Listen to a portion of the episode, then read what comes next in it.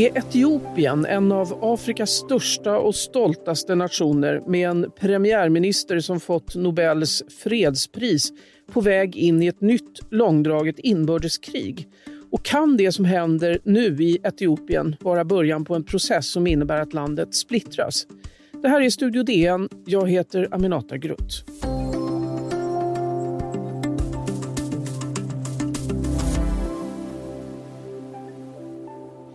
Ja, Studio DN tar idag upp situationen i Etiopien där regeringens konflikt med den självstyrande delstaten Tigray som ligger i norra delen av landet gränsar till Eritrea och har en yta ungefär så stor som Jämtland Härjedalen. Ja, den konflikten har eskalerat till militär offensiv. Vi har med oss DNs Afrikakorrespondent Erik Esbjörnsson. Välkommen! Tack så mycket. Kan du berätta, vad händer just nu i Etiopien? Ja, det är väldigt svårt att veta exakt vad som händer på marken. Eh, det, det som står, står klart just nu är att under natten till onsdagen när världens blickar var riktade mot USA och eh, räkningen av rösterna i presidentvalet hade inletts, då inledde den etiopiska federala armén en offensiv eh, mot Tigray-provinsen i norr. Och det, det här kommunicerades eh, eh, av Abiy Ahmed, premiärministern. Han säger att man inledde den här offensiven efter en räd mot en armécentral i provinshuvudstaden Mekelle. Sedan dess så vet vi inte exakt hur det har gått för att man har ju stängt ner internet och telefontrafik i hela provinsen så att det är väldigt svårt att få några rapporter från marken. Det var väldigt hårda ord i det här talet enligt BBC. Eh, där talade premiärministern om avfällningar och knivhugg mot Etiopien som land och att om eh, Tigrays styrande politiker ser regeringsarmé som ockupationsstyrka snarare än beskyddare. Hur kunde det bli så här? Det lät ju så himla bra 2018 när det blev en kvinnlig president, en eh, premiärminister som hade fredsmäklarambitioner och en regering som hade 50 procent kvinnor. Um, vad hände egentligen? Ja, det är ju en extremt komplex situation. Ehm, det som hände då, för ett par år sedan, var att regimen som har styrt Etiopien under det senaste kvartsseklet insåg någonstans att man inte hade hunnit hålla jämna steg med medborgarnas krav. Det, var, det, det här föregicks av väldigt, flera år av social oro. Och man insåg någonstans att det är dags för oss att förändra oss, annars kommer de förändrar oss istället. Vi måste föregå händelserna här och det var därför man utnämnde Abiy till premiärminister. Men när han då kommer in och lovar de här svepande reformerna och att han ska öppna upp det demokratiska utrymmet och dessutom mäkla fred med Eritrea, då, innebär det också någonstans att den som har varit dominant tidigare, någon måste bli av med makten när makten tillfaller någon annan. Och de som framförallt marginaliserades av de här förändringarna var ju den, eh, det här militäretablissemanget som är kopplat till TPLF i Tigray, som mer eller mindre hade styrt landet under 25 års tid. Om vi ska backa lite, alltså det, bland de första sakerna som Abiy Ahmed gjorde när han kom till makten var att förklara att Etiopien inte längre låg i krig med Eritrea. Och nu står Eritrea på den etiopiska regeringens sida i den här konflikten med Tigray. Varför, varför blev det så? Det är ett ganska bra exempel på hur otroligt invecklad maktpolitiken är på hela Afrikas horn. Det finns en lång kedja av allianser där enligt principen fiendens fiende är min vän. Ehm, och det har låst läget i väldigt många konflikter. Vad som hände med, med Eritrea var ju att Eh, framförallt så stod den bittra konflikten inte mellan Etiopien och Eritrea utan TPLF och Eritrea. Gamla bundsförvanter som började strida på 90-talet om gränsen mellan länderna.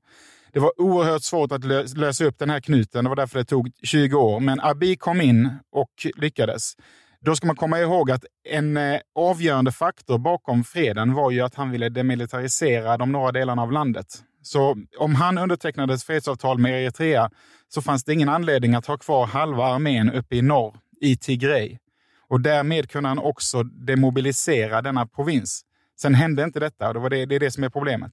Och sen nu i september skulle det ha varit val, men valet ställdes in på grund av corona. Åtminstone var det så i resten av landet, men i Tigray där blev det inte så. Nej, det, det, har ju varit ett ordkrig i flera år och Tigray har inte velat ställa upp på det här stora nationella projektet som eh, Abiy har sjösatt. De har brutit med den gamla alliansen och, eh, och de bestämde sig för att hålla sitt lokalval. Och sedan dess så erkänner de inte regimen i Addis. Och vice versa så erkänner inte regimen i Addis eh, TPLF-ledningen. Så att båda sidor hävdar att den andra saknar stöd i författningen och det är det som har lett fram till den här konflikten. Vilka är då de här styrande i Tigray-provinsen? TPLF var en gerillaorganisation som startade redan på mitten av 70-talet och krigade då mot eh, den marxistiska Derg-juntan i Addis. De slutade efter 15 års inbördeskrig som segrare i detta. Och det är därför de fick så stort inflytande över det moderna Etiopiens, det, det bygget av den moderna staten. Men de representerar ju samtidigt bara ungefär 6 procent av befolkningen, så de har ju saknat den här legitimiteten. Man skulle kunna dra paralleller till eh, problemet med vad som hände med eh, Jugoslavien. Där, hade man också en, en rad delstater som, hade, som var baserade på etniciteter. Men när den där starka centralmakten som var Tito, när han försvann, så blev det ett maktvakuum som satte hela federationen på spel. Och det är det vi ser något liknande eh, Utvecklingen i Etiopien påminner om detta. Så är det här början på ett nytt utdraget inbördeskrig då, tror du? Eller kan det få ett snabbt avslut? Ja, det är den stora frågan. Vi fortsätter att försöka reda ut den här frågan efter pausen. Alldeles strax tillbaka.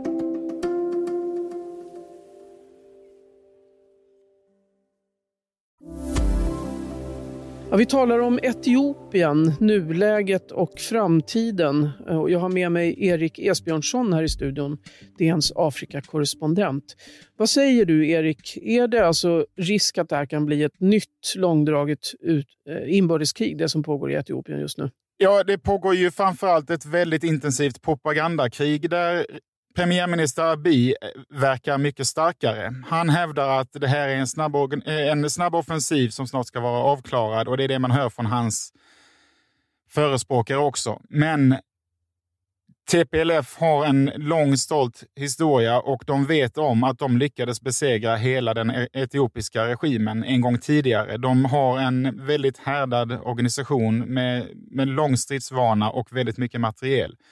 Risken är att det här blir om det bara drar ut på några veckors tid, då börjar bitterheten sätta sig och det blir svårare för någon att ha ett klart avslut. Och då tror jag att det här kan bli en väldigt utdragen konflikt. Du pratade tidigare om att det fanns risk att landet skulle kunna splittras så som tidigare Jugoslavien. Ja det, ja, det finns en överhängande risk. Man ska komma ihåg att vid sidan av det som händer med Tigray så bubblar det och kokar över hela landet. Redan innan detta började så befann sig 1,9 miljoner människor i Etiopien på flykt internt i landet på grund av social oro.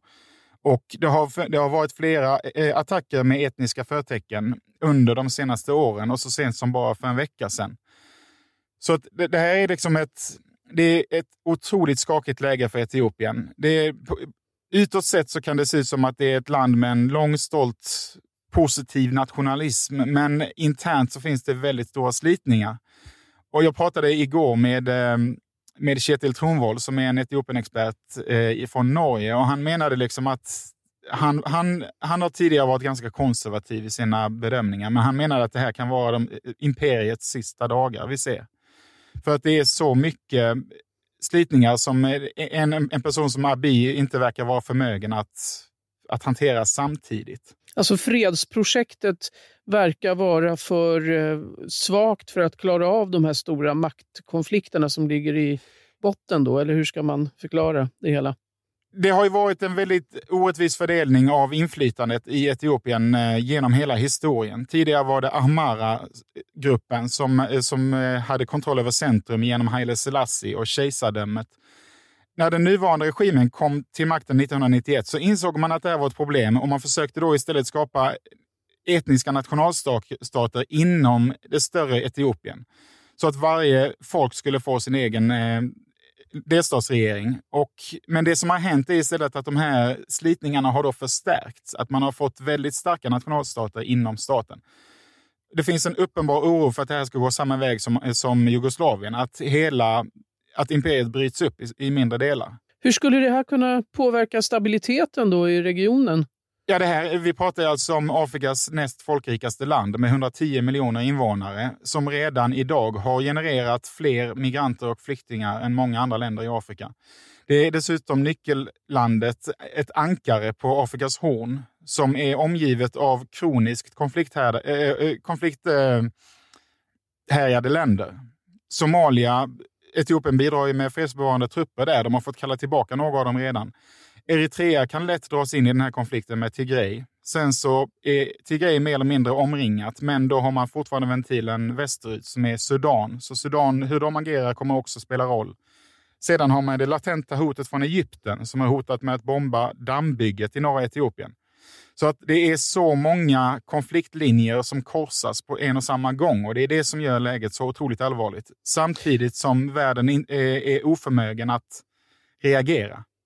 Ja, vad kan omvärlden göra? Därför att det låter ju onekligen också som att det finns ett stort intresse av att bevara stabiliteten i Etiopien, att bevara den här positiva utvecklingen som också ändå har funnits. Inte bara oroligheter utan även samhällsekonomiskt och eh, pressfriheten har ökat och så vidare under eh, Abiy. Han fick ju Nobels fredspris och så vidare. Vad kan omvärlden göra för att behålla den här utvecklingen eller för att stärka den utvecklingen? Ja, det viktigaste av allt är att få båda parter att lägga ner vapnen omedelbart. Men vem ska säga detta? USA är helt paralyserat internationellt fortfarande, åtminstone fram till januari.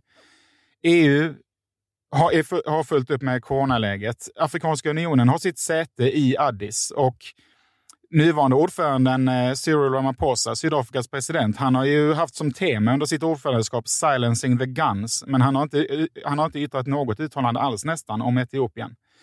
Så att Problemet är att det här sker liksom i, i navet. Det är kring Etiopien allting kretsar och nu när detta händer i Etiopien så finns det liksom ingen som kan gå in och, och säga till dem riktigt att det här är oacceptabelt. Den nya presidenten, hon som tillträdde, det är ju en kvinna. Hon är väl den enda kvinnliga presidenten just nu i Afrika. Eh, Salih Work Vad kan hon göra? Hon har ju tidigare jobbat för FN. Har hon någon möjlighet att få ha något ord med i laget här? Det dessvärre tror jag inte att hon har. Hon, hon, har även formellt väldigt begränsad makt, men i synnerhet i det här läget så, så är det Abiy som alla lyssnar på. Och det är snarare, det här kommer avgöras om han utmanas från sin egen sida eller ej, eller om, om han får fortsätta den här offensiven tror jag. Vad, vad tror du som eh, har följt utvecklingen? Vad är din bedömning? Vad kommer att hända? Det frustrerande är ju att precis alla människor som har följt Etiopien under många år har ju varnat för att det här är, det här är väldigt allvarligt. Men ändå så har det tillåtits. Det, det har ju spelats upp exakt som folk för, förväntade sig. Och jag, jag, jag är väldigt pessimistisk här. Jag är rädd för att det här kan bli en, en väldigt stor kris i regionen. Tack Erik Esbjörnsson, DNs Afrikakorrespondent. Vi får säkert anledning att återkomma till eh, Etiopien. Studio DN görs för Podplay. Producent Sabina Marmulakai, exekutiv producent Augustin Erba, ljudtekniker Patrik Misenberger, teknik Jonas Lindskog, Bauer Media och jag heter Aminata Grutt.